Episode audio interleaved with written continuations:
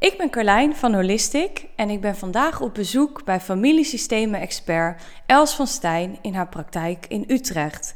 En we gaan een podcast opnemen over wat de relatie met je vader jou vertelt over je leven nu.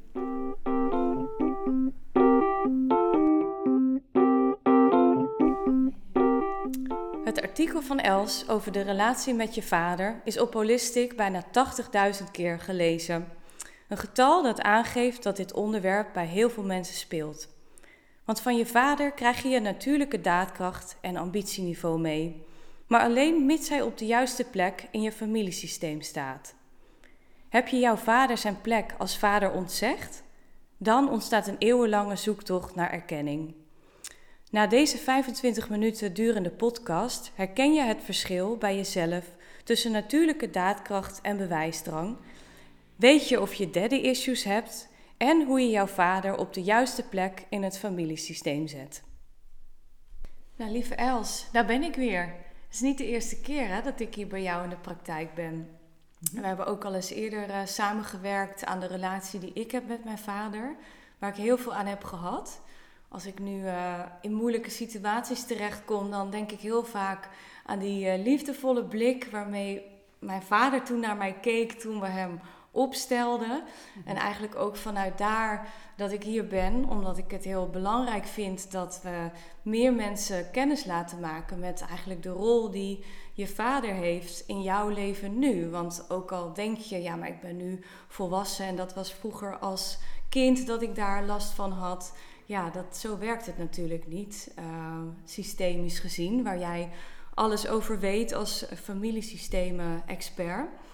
Ja, Els, ik denk dat het goed is voordat we de diepte in gaan duiken en de, de vaderrol onder de loep gaan nemen, is het denk ik fijn als jij eerst even kort uitlegt wat een familiesysteem nou eigenlijk is en wat de fontein daarmee te maken heeft. Het model waar jij altijd uh, mee werkt. Ik gebruik de metafoor van de fontein als voorbeeld voor jouw familiesysteem. Want een mens die ervaart in zijn huidige leven allerlei hardnekkige patronen. En als die belastend zijn en dat ze altijd toch maar weer terugkeren, dan kan je het bijna altijd terug herleiden naar jouw familiesysteem van herkomst. En als je daar bepaalde zaken niet aankijkt, dan blijft dat patroon zich herhalen in je huidige leven. En een hardnekkig patroon is bijvoorbeeld dat je Ehm, nou, waar je het al eigenlijk in de inleiding al eh, zei, van dat je heel veel bewijsdrang hebt. Of dat je heel snel je schuldig voelt. Of dat relaties ingewikkeld is. Of dat groepen spannend zijn. Dat zijn hardnekkige patronen. En als je daar structureel last van hebt, dan kan je dat terug herleiden naar je systeem van herkomst. En daar gebruik ik dus die metafoor van de fontein voor. En je kan je wellicht een hele mooie fontein voorstellen met verschillende bakken met water die boven elkaar uh, ja, uh, in die fontein uh, geplaatst zijn. En dat water stroomt dan van de ene bak in de andere. Nou, ergens bovenin de fontein daar staan jouw voorouders. In de bak daaronder jouw opa's en oma's. Dan jouw biologische ouders. En jij staat altijd in de kindsbak onder jouw ouders. En klein grut van jou staat weer in de bak onder jou. En klein grut wat daar weer uit voortkomt, dat komt, heeft, uh, ze heeft de bak onder jouw kinderen weer. Zo heeft uiteindelijk iedereen één plek in de fontein. En de ene plek is niet beter of meer, maar je moet op jouw plek gaan staan om die, ja, die stroming, die onzichtbare stroming van die fontein op te vangen. Want die blijkt zo enorm essentieel te zijn of je inderdaad in het dagelijks leven vervuld, compleet en prettig voelt. En je kan uittekenen dat iemand waar het in de basis goed mee staat, die staat met zijn innerlijke houding eigenlijk best goed in die fontein. Terwijl mensen die altijd gedoe in hun leven ervaren, ziektes, uh, gedoe met werk, nou verzin iets, dan kan je bijna uittekenen dat die niet goed op zijn of haar plek in de fontein staan. En dan heb jij het meestal over opstijgen, hè? opstijgen in de fontein. Dus dat je eigenlijk in de bak naast je ouders gaat staan als kind. Mhm. En daar zijn ook verschillende vormen van. Mhm. Maar kun je ook afdalen? Afdalen kan, maar meestal gebeurt er iets anders. Je staat sowieso in die kindsbak, dus met al je broers en zussen, miskramen, geaborteerde kinderen. Um, of volgorde van geboorte, hè? Ja, volgorde van geboorte. En ehm, iedereen die erbij hoort, bij dat biologische systeem, hoort erbij. Dus die, neem je, uh, die moet je meetellen. Dus dan, op welke plek kom jij dan te staan? Ik sta op plek 1, dat is makkelijk. Ja, oké. Ja. Nou, ik heb een oudere zus en ik heb ook nog een, uh, een grote broer gehad eh, in de zin dat hij het uh, niet heeft overleefd in de buik van mijn, van mijn moeder.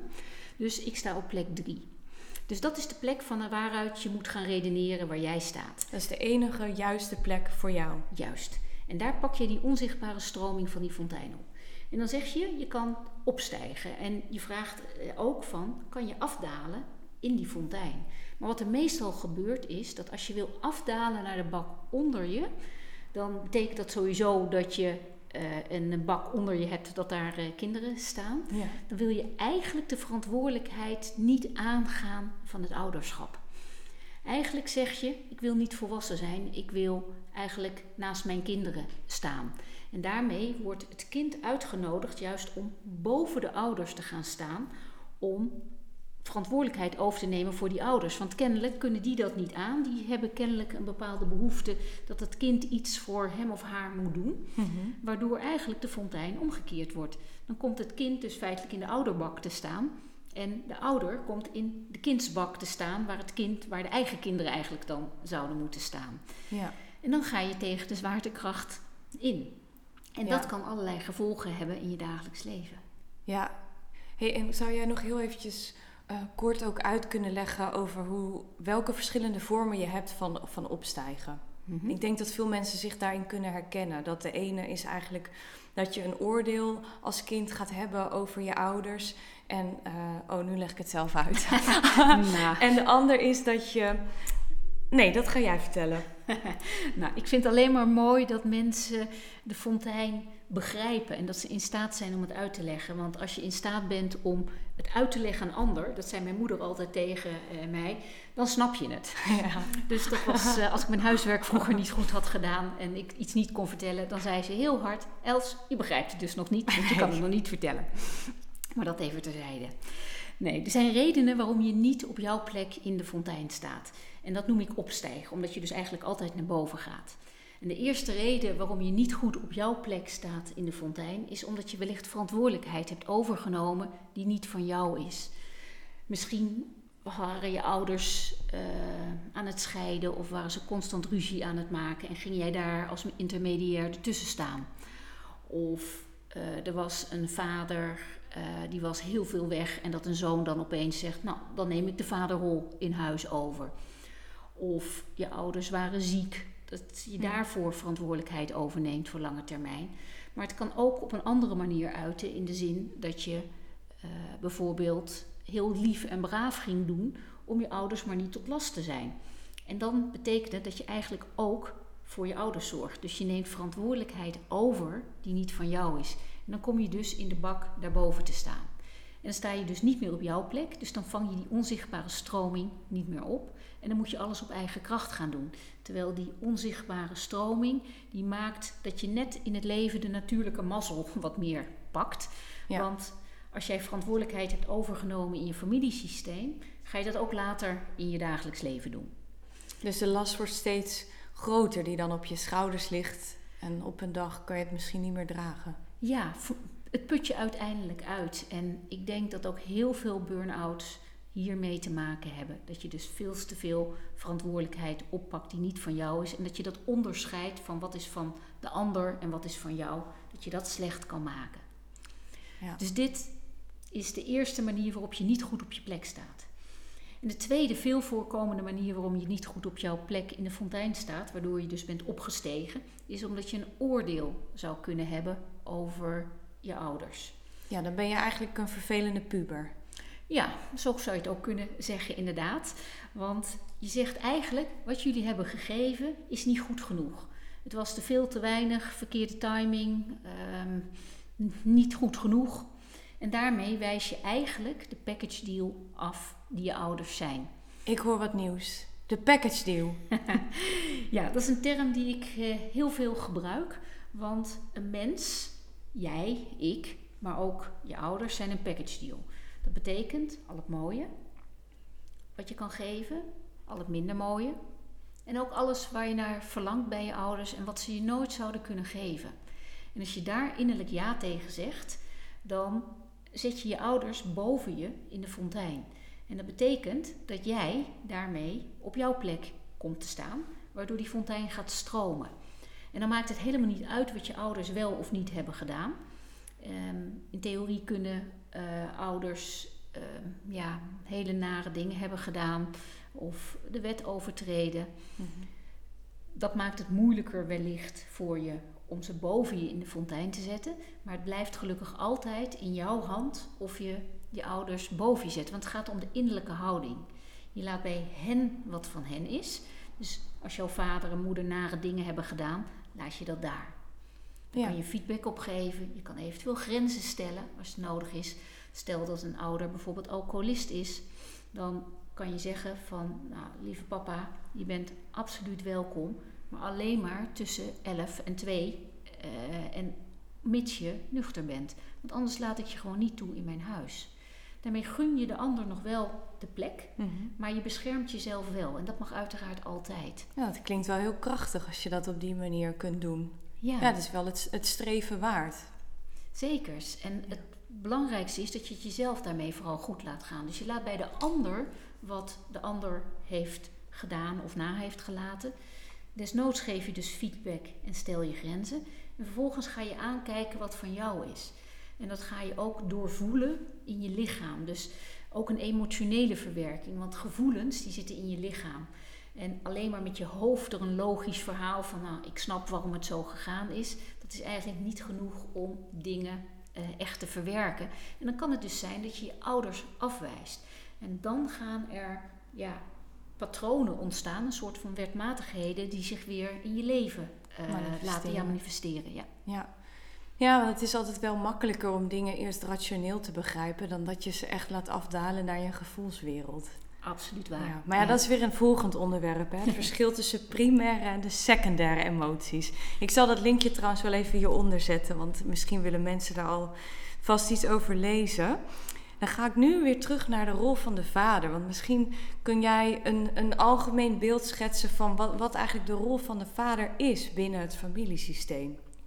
Ja, een rol is moeilijker te, te definiëren, want een rol is denk ik ook cultureel bepaald. Ja. En ook uh, tijdperk waarin iemand als uh, vader zijnde geboren is. Ja. Um, maar in essentie, als jij je vader helemaal kan aannemen in de package deal wie die is. Met al dat mooie, dat minder mooie en alles waar je naar verlangt en wat hij wellicht niet kan leveren. Dan zet je hem boven je in die fontein en daarmee krijg jij je natuurlijke daadkracht ter beschikking. En daarmee kom je ook op jouw gezonde ambitieniveau terecht. Of eigenlijk het ambitieniveau dat echt bij jou past, wat die jij van nature in je hebt. Terwijl als je hem niet boven je kan zetten, dus eigenlijk zeg je: Ik gun jou je plek niet, je bent niet goed genoeg voor mij. Of je hebt juist voor hem gezorgd, eh, dat je eigenlijk zegt: van ja, ik moet het voor jou regelen, want jij kan dat zelf niet. Dan kom je dus ook daarboven te staan in de fontein. Mhm. Dan gaat een mens bewijsdrang uh, krijgen. Je krijgt een enorme behoefte aan erkenning en gezien worden. En dat kan heel uh, duidelijk zijn met bijna alfa-mannetjes en alfa-vrouwtjes gedrag. Maar het kan ook wat subtieler, dat je constant jezelf wil gaan bewijzen en erkenning zoeken. En iedere keer dat je dan een succes hebt behaald, ben je misschien wel even blij, maar daarna dan dat vervliegt dat weer. Ja, het beklijft niet. En, en hoe kun je weten dat iets beklijft? Want ik vind het bijvoorbeeld ook best moeilijk om een gevoel van trots toe te laten. Mm Ja, eigenlijk ga je jezelf pas echt zien in wie je bent als je de package deal van je ouders gaat aannemen. Als zij mogen zijn wie ze zijn, met alle mooie, het minder mooie en alles waar je naar verlangt en niet krijgt, dan ga je dat ook bij jezelf makkelijker zien. Dus dan gaat, blijkt ook automatisch dat je je mooie dingen van jezelf ook makkelijker kan omarmen en daar ja tegen kan zeggen. En dan in jouw geval, jij hebt meer moeite om het te omarmen, uh, het, uh, de talenten en de grootsheid die jij in je hebt. Dat vind jij moeilijk om dat echt daar, of nou niet moeilijk, maar uh, echt dat vol aan te nemen. Dat is soms nog een beetje spannend. Terwijl andere mensen, die vinden het juist heel moeilijk om te erkennen dat ze iets niet goed gedaan hebben of dat ze, iets, dat ze minder mooie kanten hebben. Dus op het moment dat je je ouders boven je kan zetten en dat zij mogen zijn wie ze zijn in die package deal, dan ga je ook bij jezelf ook die gehele package deal die jij bent, die je uiteraard kan ontwikkelen, uh, dat je die beter ga, daar ja tegen gaat zeggen. Dus dan kan je ook makkelijker zeggen van ja, dit, dit heb ik heel uh, dit, hier, ik ben blij zoals ik dit heb gedaan en hier ben ik trots op. Dat ga je dan ook nog makkelijker kunnen zeggen. En andere mensen kunnen dan zeggen, ja, dat heb ik misschien niet handig gedaan. En die durven dat hardop uit te spreken, zonder dan meteen zich compleet een mislukkeling te voelen. Dus je krijgt eigenlijk een steeds realistischer zelfbeeld daardoor. Oh ja, mooi. Ja, dat heb je wel goed uitgelegd. En als we dan nu kijken naar de belemmeringen die jij als volwassene in je leven kunt ervaren, omdat je eigenlijk je vader niet uh, goed op zijn plek boven je hebt staan. Mm -hmm. Ja, dan kunnen we dus gaan spreken over daddy issues. Mm -hmm. Een beetje een term, ik weet het Els, dat, je, dat vind je helemaal niks. Maar, maar dat wist ik al vanaf het begin. maar ja, het is wel een veelgehoorde term. Ja. Ik lees daar best wel vaak over. En je hebt mij ook wel eens verteld dat, dat als je je vader dus niet goed boven je kan zetten, dat er eigenlijk twee dingen kunnen gebeuren. De ene heb je net al uitgelegd, hè, dat je een con, continue drang hebt om jezelf te bewijzen, maar dat dat eigenlijk een leeg vat is waar je aan werkt. En de andere kant is dat je dus gaat vluchten in bijvoorbeeld spiritualiteit, om vooral maar eigenlijk niet te hoeven voelen en op een soort wolk ergens te gaan zitten waar je een beetje gedissocieerd uh, het leven beleeft. Zo kan je het inderdaad zien. Ik, ik wil het iets nuanceren. Op het moment dat je je vader onvoldoende boven je kan zetten, dan lijkt je eigenlijk uh, een stuk houvast te missen in je leven. En dat kan zich dus uiten ook in spiritualiteit. En nu is er helemaal niets mis met spiritualiteit. Maar op het moment dat je je vader helemaal kan aannemen wie die is, dan wordt het wat aardser, wat meer down to earth. En dan kan je het leven beter ja, aannemen. En dan kom je dus meer bij je natuurlijke daadkracht.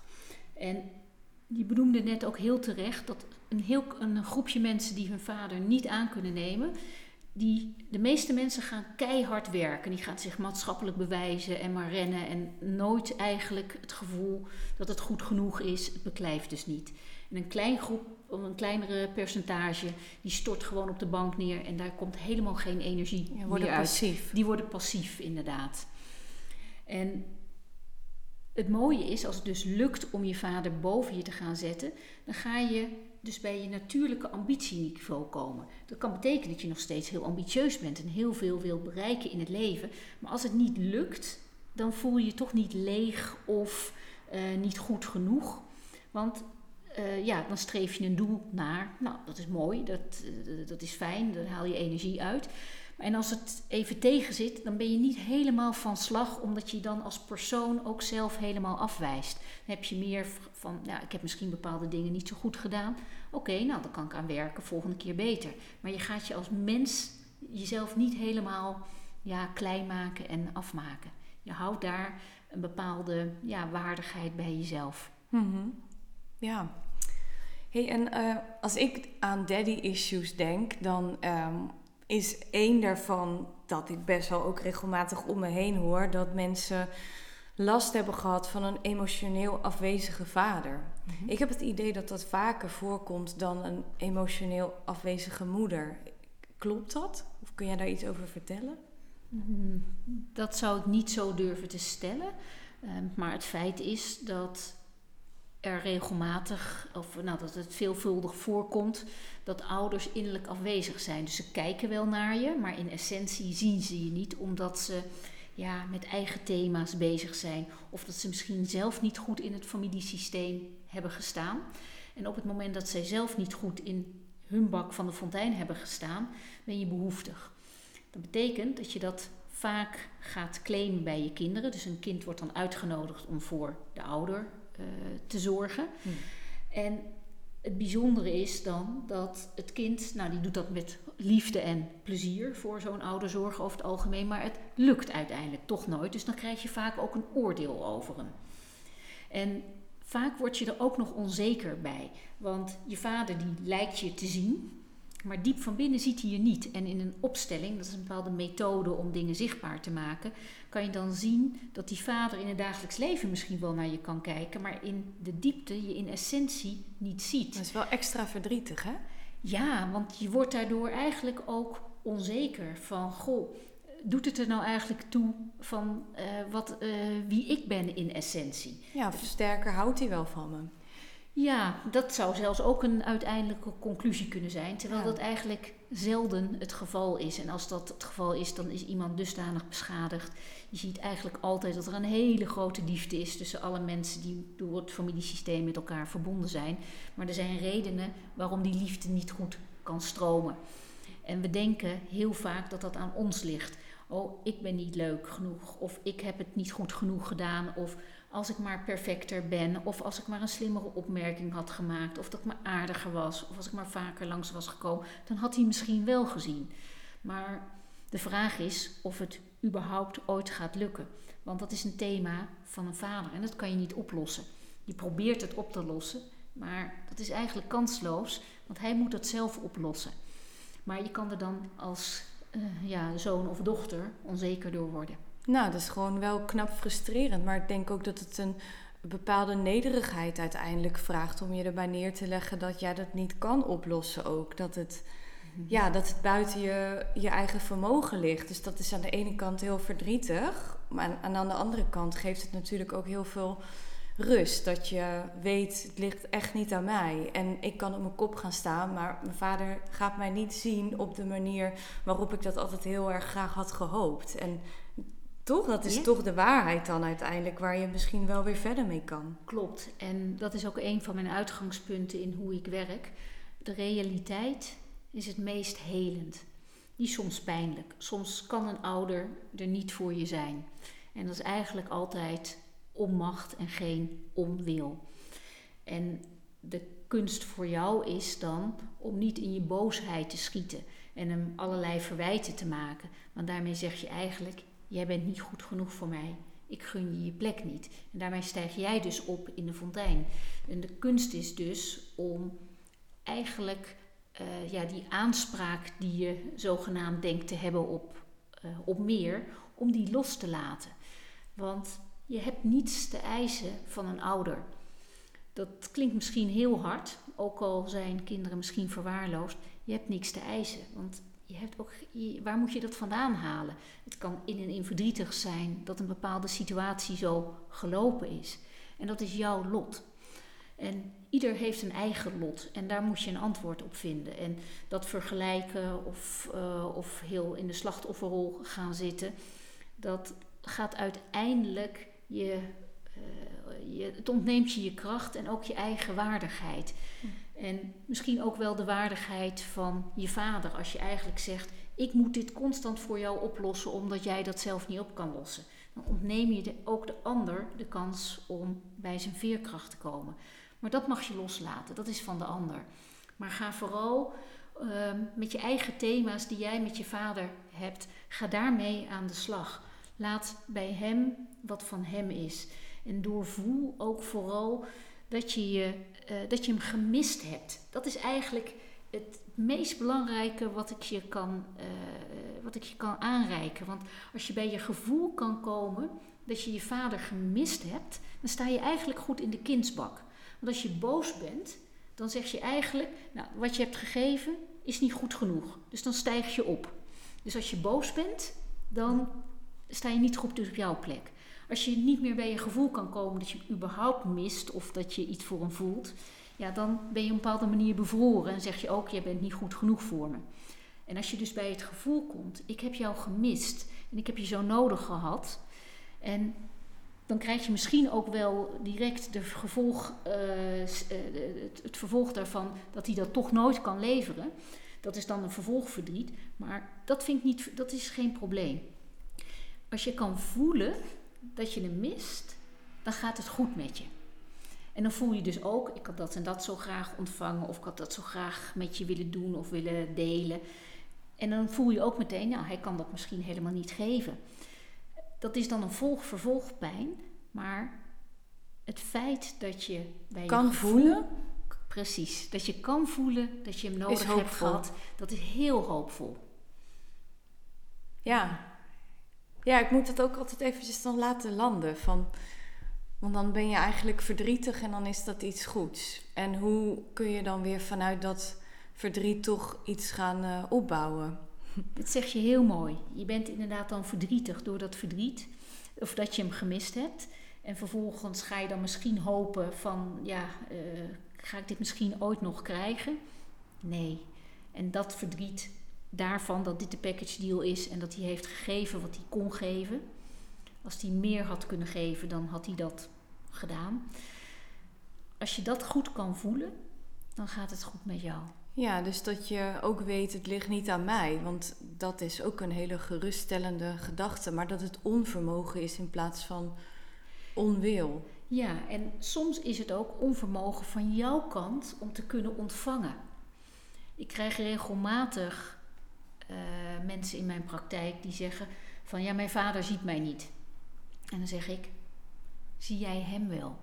En dan blijkt ze eigenlijk altijd in de package deal dat minder mooie te zien of datgene wat er niet was. Maar hij is ook dat mooie. Kan jij dat ook zien? En dan verwijt je hem eigenlijk exact hetzelfde als wat jij zelf doet. Je verwijt hem, jij ziet mij niet, maar ga eens kritisch bij jezelf te, uh, in, uh, te raden van kan jij hem zien? Nou, mooi. Ja, en ook, uh, ook heel helder en confronterend kan dat zijn. Want uiteindelijk wat je afwijst bij je vader of bij je moeder, dat stukje wijs je ook af in jezelf, toch? Als we het hebben over die package deal en bijvoorbeeld bepaalde schaduwkanten mhm. binnen die package deal, waar je tegenaan loopt, dat, dan, dat mag er dan eigenlijk ook niet zijn van jezelf. Noem onzekerheid, uh, bewijsdrang. Uh, hè? Ik kan nog wel even doorgaan. Klopt. Het is belangrijk dat jij um, hem gewoon aanneemt zoals die is. En als dat het geval is, dan krijg je ook gelukkig de goede uh, natuurlijke krachten die je eigenlijk uh, ter beschikking pas krijgt als je je vader echt boven je kan zetten in de fontein. Dat betekent dus dat je bij je natuurlijke daadkracht komt en je ambitieniveau. Maar ook, en dat weten ook veel mensen niet, is dat je dan ook van nature makkelijker grenzen kan gaan stellen. Zonder je schuldig te voelen. Of? Nou, je wil je wel, wel schuldig voelen, dat hoort ook bij het leven. Ik, en, uh, als je schuld niet uit kan houden, um, en nu moet je natuurlijk niet de wet gaan overtreden, dat bedoel ik niet met schuld, maar dat je, uh, ja, als jij uh, je het loslaat dat je je vader zou kunnen redden, en dat jij daardoor aandacht aan jezelf gaat besteden, voel je, misschien schuldig. Die schuld, die moet je uithouden. Want daarmee zorg je dat je op jouw plek blijft staan. Want anders, als je dat schuldig voelen niet uit gaat houden, kan houden, dan ga je weer voor je vader zorgen. Dat is niet handig. Want daarmee gaat het jou uiteindelijk slecht. En op het moment dat het dus lukt om hem goed boven je te zetten, krijg je afgezien van je natuurlijke daadkracht ook van nature ga je beter voelen waar grenzen liggen. Want heel vaak krijg ik ook mensen in mijn praktijk die zeggen: Ik kan het zo moeilijk voelen wat, wat nou van mij is. En ik laat mijn grenzen altijd zo snel overschrijden. En op het moment dat het lukt om hem boven je te zetten, dan gaat dat, ga je dat van nature veel beter uh, voelen. En dat is ook heel nodig als je namelijk relaties aan wil gaan. Want een relatie is een verbinding met een ander. Maar als je niet in een relatie ook ergens een grens kan stellen, dan ben je ook heel erg gevoelig voor ook alle negatieve stemmingen van de ander. Dus als je relaties wil aangaan, moet je dus aan de ene kant het vermogen hebben om je te verbinden. Dat gaat altijd hoe jij je moeder boven je hebt gezet in de package deal in de fontein. Nu kom je wel meteen op mijn laatste vraag. Want die, okay. die, die gaat er eigenlijk over dat Um, nou, we gaan het nu even hebben over vrouwen, maar dat zal ook voor mannen gelden.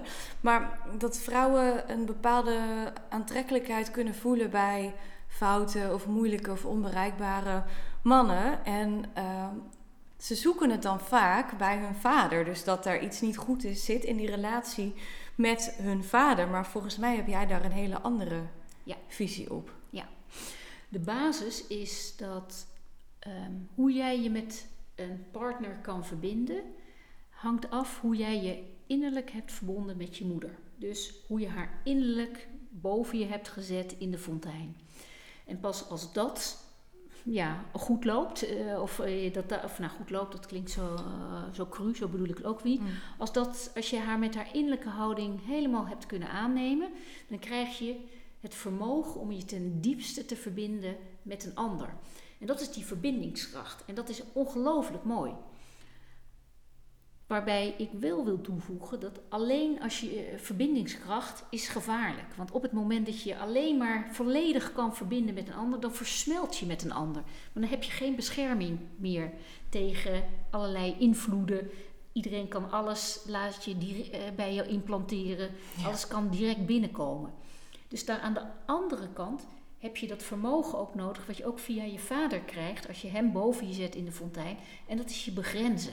En dan pas kan je eigenlijk echt veilig relaties aangaan. Want een relatie is, je moet je kunnen verbinden, maar aan de andere kant ook op essentiële momenten, momenten ook grenzen kunnen eh, trekken om, je, ja, om jezelf te kunnen beschermen.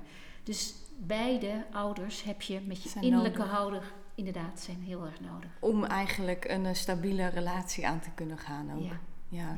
En als ik dan, ja, klopt het als ik zeg dat hè, als je aan de slag wil gaan met eh, je vader echt boven je kunnen zetten in de fontein.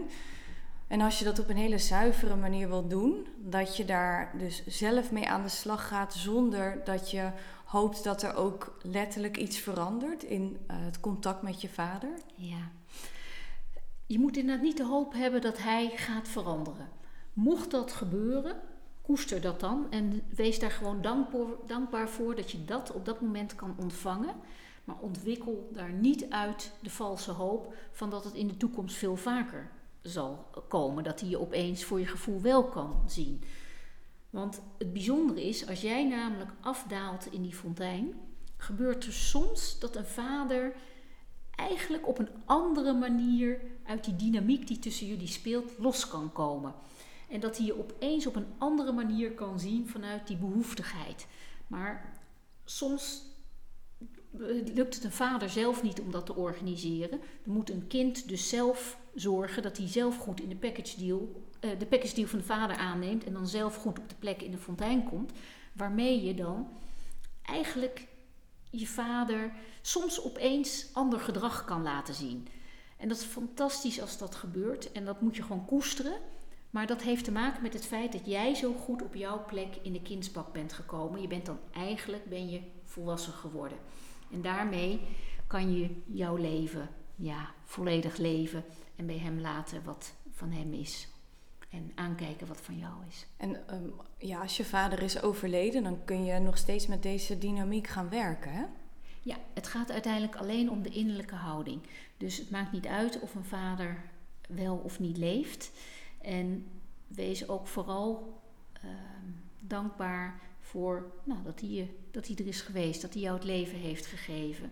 Dus stel dat jouw vader op je zeventiende is overleden, dan kan je ook gaan denken in 17 jaar cadeau versus 30 jaar gemis.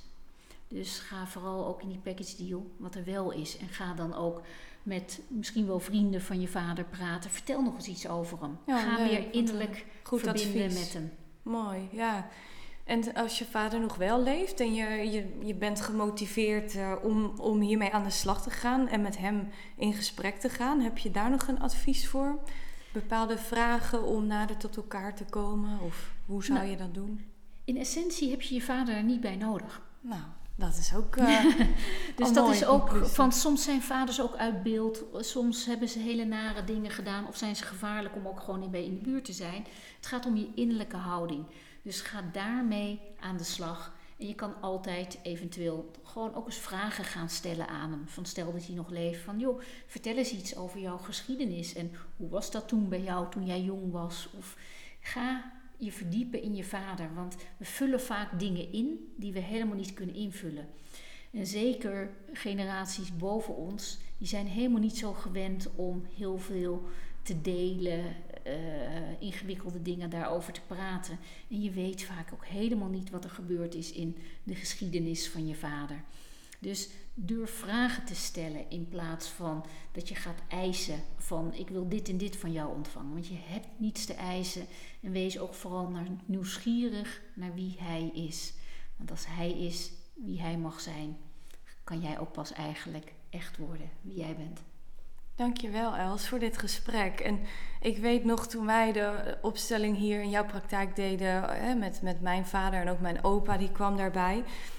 Dat ik die avond echt ontzettend verdrietig was toen ik thuis kwam. Ik vond het echt een hele, ja, hele bijzondere en ook een uh, indrukwekkende sessie. Wat ik toen allemaal voelde. En ja, een stuk gemis en daar kwam het verdriet ook vandaan. Maar ook uh, kracht heb je me toen uh, laten zien. En die is eigenlijk nooit meer weggegaan ook. Als ik nu uh, iets, iets moeilijks moet gaan doen, dan, dan roep ik wel mijn vader en mijn opa erbij. En ja, dat is echt een heel groot cadeau. En dat, dat, zal ook, dat was echt een puzzelstukje die, ja, wat ik wel kwijtgeraakt was. En ik vind het ook heel mooi en ook interessant dat mijn vader daar niet eens bij was hier. Maar dat er wel in ons uh, contact nu wezenlijk iets is veranderd. En ik, ik uh, heb hem volgens mij diezelfde avond nog uh, wat appjes ook gestuurd van... want ik heb mijn opa nooit gekend, zijn vader dus van... Pap, stuur eens wat foto's van hem door. En ik, ik was ineens heel erg geïnteresseerd ook in, in mijn opa. En wat hij, wat hij deed en waaraan hij eigenlijk is gestorven. En hoe dat voor mijn vader was en wat voor man het was geweest. En ja, ik heb daar echt nog wel heel, heel vaak ook met, met vrienden en ook met mijn broertje over nagepraat. Om, ja, omdat het echt, uh, ja, dat is echt wel een bepaald keerpunt geweest, ook in mijn eigen groei. En uh, ja, dat, dat gun ik ook iedereen. En voor mij is dat ook nog iets wat af en toe nog steeds actueel is en waar ik mee werk. Maar maar je voelt dus, en dat vind ik het mooie aan wat je zo vertelt, je voelt de kracht in je lichaam ontstaan op het moment dat je vader helemaal mag zijn wie die is. Met alles erop en eraan. En dat voel je gewoon in je lichaam. En die kracht die heb je bij je. En dat is heerlijk. Die kan je dus ook altijd dan weer uh, kan je hem oproepen. En op moeilijke momenten zet ik ook vaak eventjes mijn ouders achter me. Dan krijg ik meteen een bepaalde kracht. En dan voel ik me stevig. En daarmee uh, nou, kan ik doen wat ik moet doen. Ja, dan kunnen we het leven toch iets beter aan. Zeker. Maar volgens mij de rode draad van het gesprek ja, is toch wel gewoon durven voelen. Durf het gemiste voelen, want uiteindelijk zit daar groei en heling. En opent het heel veel deuren naar, uh, naar, naar nieuwe werelden om te ontdekken. En groei. Helemaal waar. En je zegt, uh, nieuwe werelden ontdekken. Uh, Bert Hellinger is een van de grondleggers uh, die heel veel uh, dynamieken heeft kunnen benoemen op het gebied van familieopstellingen. En hij heeft één hele mooie zin. En hij zegt: Je moeder zet je in het leven en je vader zet je in de wereld. Want met die daadkracht van je vader en dat grenzen kunnen stellen, kan je de wereld veel beter aan. Dus nou, dit is een uitsmijter. Ik heb hier niks meer aan toe te voegen. Maar ik denk wel dat ik binnenkort op de stoep sta, wederom met die microfoontjes, voor een nieuwe podcast over secundaire en primaire emoties. Mag dat? Doe je dan open? Heel graag. Yes. Je bent heel welkom. Dankjewel voor het luisteren en tot de volgende Holistic Podcast.